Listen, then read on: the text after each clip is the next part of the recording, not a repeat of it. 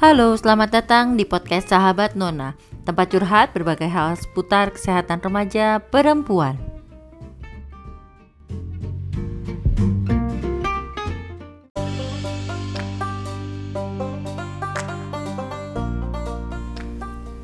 Halo sahabat Nona, setelah beberapa episode membahas seputar haid, saya mendapat permintaan khusus dari teman-teman sahabat MRKH Indonesia untuk membahas bagaimana kalau perempuan tidak pernah haid.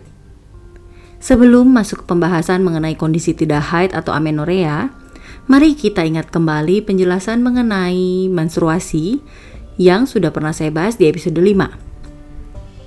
Menstruasi adalah proses meluruhnya dinding dalam rahim atau yang disebut endometrium yang keluar bersama darah melalui saluran vagina. Proses ini merupakan tahap akhir pubertas anak perempuan dan biasanya terjadi sekitar 2 tahun setelah tumbuhnya tunas payudara. Menstruasi pertama normalnya dimulai di usia 10 tahun. Perempuan yang tidak haid disebut amenorea. Amenorea ini dibagi menjadi primer dan sekunder. Amenorea primer adalah jika sama sekali belum pernah haid sampai usia 14 tahun ketika tidak ada pertumbuhan tunas payudara atau belum pernah haid sampai usia 16 tahun jika sudah ada pertumbuhan tunas payudara. Sedangkan amenorea sekunder adalah jika sebelumnya sudah pernah haid tetapi kemudian tidak haid selama 3 bulan atau lebih, 3 siklus berturut-turut atau lebih. Ada beberapa hal yang dapat menjadi penyebab amenorea, dan di dalam episode kali ini saya akan lebih fokus membahas mengenai amenorea primer dulu ya. Nanti di episode lainnya saya akan bahas juga mengenai amenorea sekunder. Amenorea primer dapat disebabkan oleh beberapa hal, yang pertama, gangguan kromosom seperti sindroma Turner atau androgen insensitivity syndrome atau yang sering disebut CAIS atau PAIS. Yang kedua, gangguan pertumbuhan organ seksual yaitu tidak sempurnanya rahim, tidak sempurnanya vagina atau himen yang sering disebut selaput darah. Yang ketiga adalah gangguan di otak yang berhubungan dengan pusat pembentukan hormon seksual yaitu hipotalamus atau hipofisis. Dan gangguan yang keempat yang dapat menyebabkan amenorrhea primer adalah pubertas terlambat atau yang disebut delayed puberty. Jika saat berusia 14 tahun sahabat Nona belum mengalami pertumbuhan tunas payudara atau jika sudah mengalami pertumbuhan tunas payudara tapi usia 16 tahun belum juga haid, maka segera konsultasikan ke dokter. Sahabat Nona bisa konsultasi ke dokter anak atau ke dokter objin. Bicarakan dengan dokter mengenai kondisi yang kamu alami. Kondisi amenorea dapat menjadi tanda dan gejala untuk kondisi medis yang serius dan jika tidak diatasi dengan baik bisa menyebabkan masalah kesehatan yang lebih parah seperti osteoporosis. Konsultasi ke dokter dapat membantu untuk mendapatkan diagnosis dan tata laksana yang sesuai dengan kondisi kamu. Saat kamu mengunjungi dokter, maka kamu akan ditanya mengenai riwayat pubertas kamu. Perubahan apa sih yang sudah kamu alami? Kapan terjadinya?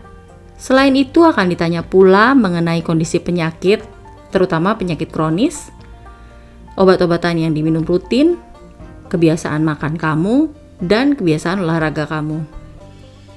Kamu mungkin akan memerlukan pemeriksaan darah di laboratorium untuk memeriksa kadar hormon. Bisa juga untuk pemeriksaan genetik atau kromosom, dan jika diperlukan pemeriksaan USG atau MRI atau CT scan. Jika kamu mengalami pubertas yang normal tapi terlambat, mungkin kamu perlu bantuan untuk pengobatan. Jika amenorrhea primer kamu disebabkan oleh gangguan fungsi indung telur yang tidak dapat memproduksi hormon estrogen dalam jumlah cukup, maka mungkin diperlukan terapi hormonal untuk memulai pubertas dan menstruasi kamu. Terapi hormonal ini juga diperlukan untuk mencegah osteoporosis. Beberapa perempuan terlahir unik dan memiliki kondisi fisik yang berbeda sehingga tidak dapat menstruasi. Seperti selaput darah yang tertutup rapat, ada sekat di vagina, tidak memiliki vagina, tidak memiliki rahim atau memiliki rahim tapi kecil.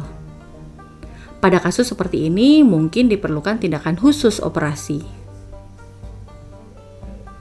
Beberapa kasus gangguan pertumbuhan organ seksual yang dapat menyebabkan perempuan tidak menstruasi, contohnya CAIS atau Complete Androgen Insensitivity Syndrome, PAIS, kondisinya mirip dengan CAIS tetapi partial, Sawyer Syndrome atau Complete Gonadal Dysgenesis, Partial Gonadal Dysgenesis, MRKH atau yang disebut Mayer-Rokitansky-Kuster-Hauser Syndrome, CAH atau yang disebut congenital adrenal hyperplasia atau yang lain-lainnya. Jika kamu mengetahui jenis kondisi yang kamu alami, berarti kamu termasuk orang yang beruntung karena dengan begitu kamu bisa lebih mengerti dan mengenal dirimu. Kamu harus ingat, semua orang tidak sama dan tidak ada proses pubertas yang sama persis. Penjelasan lebih lanjut mengenai beberapa gangguan pertumbuhan organ seksual akan saya bahas di episode lainnya ya. Jadi sahabat Nona, kalau kamu terlahir sebagai perempuan, maka haid ataupun tidak, kamu tetaplah seorang perempuan.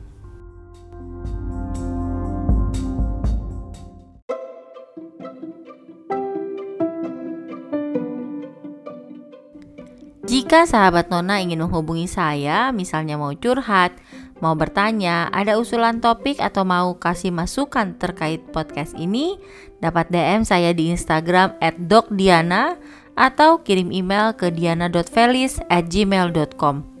Terima kasih.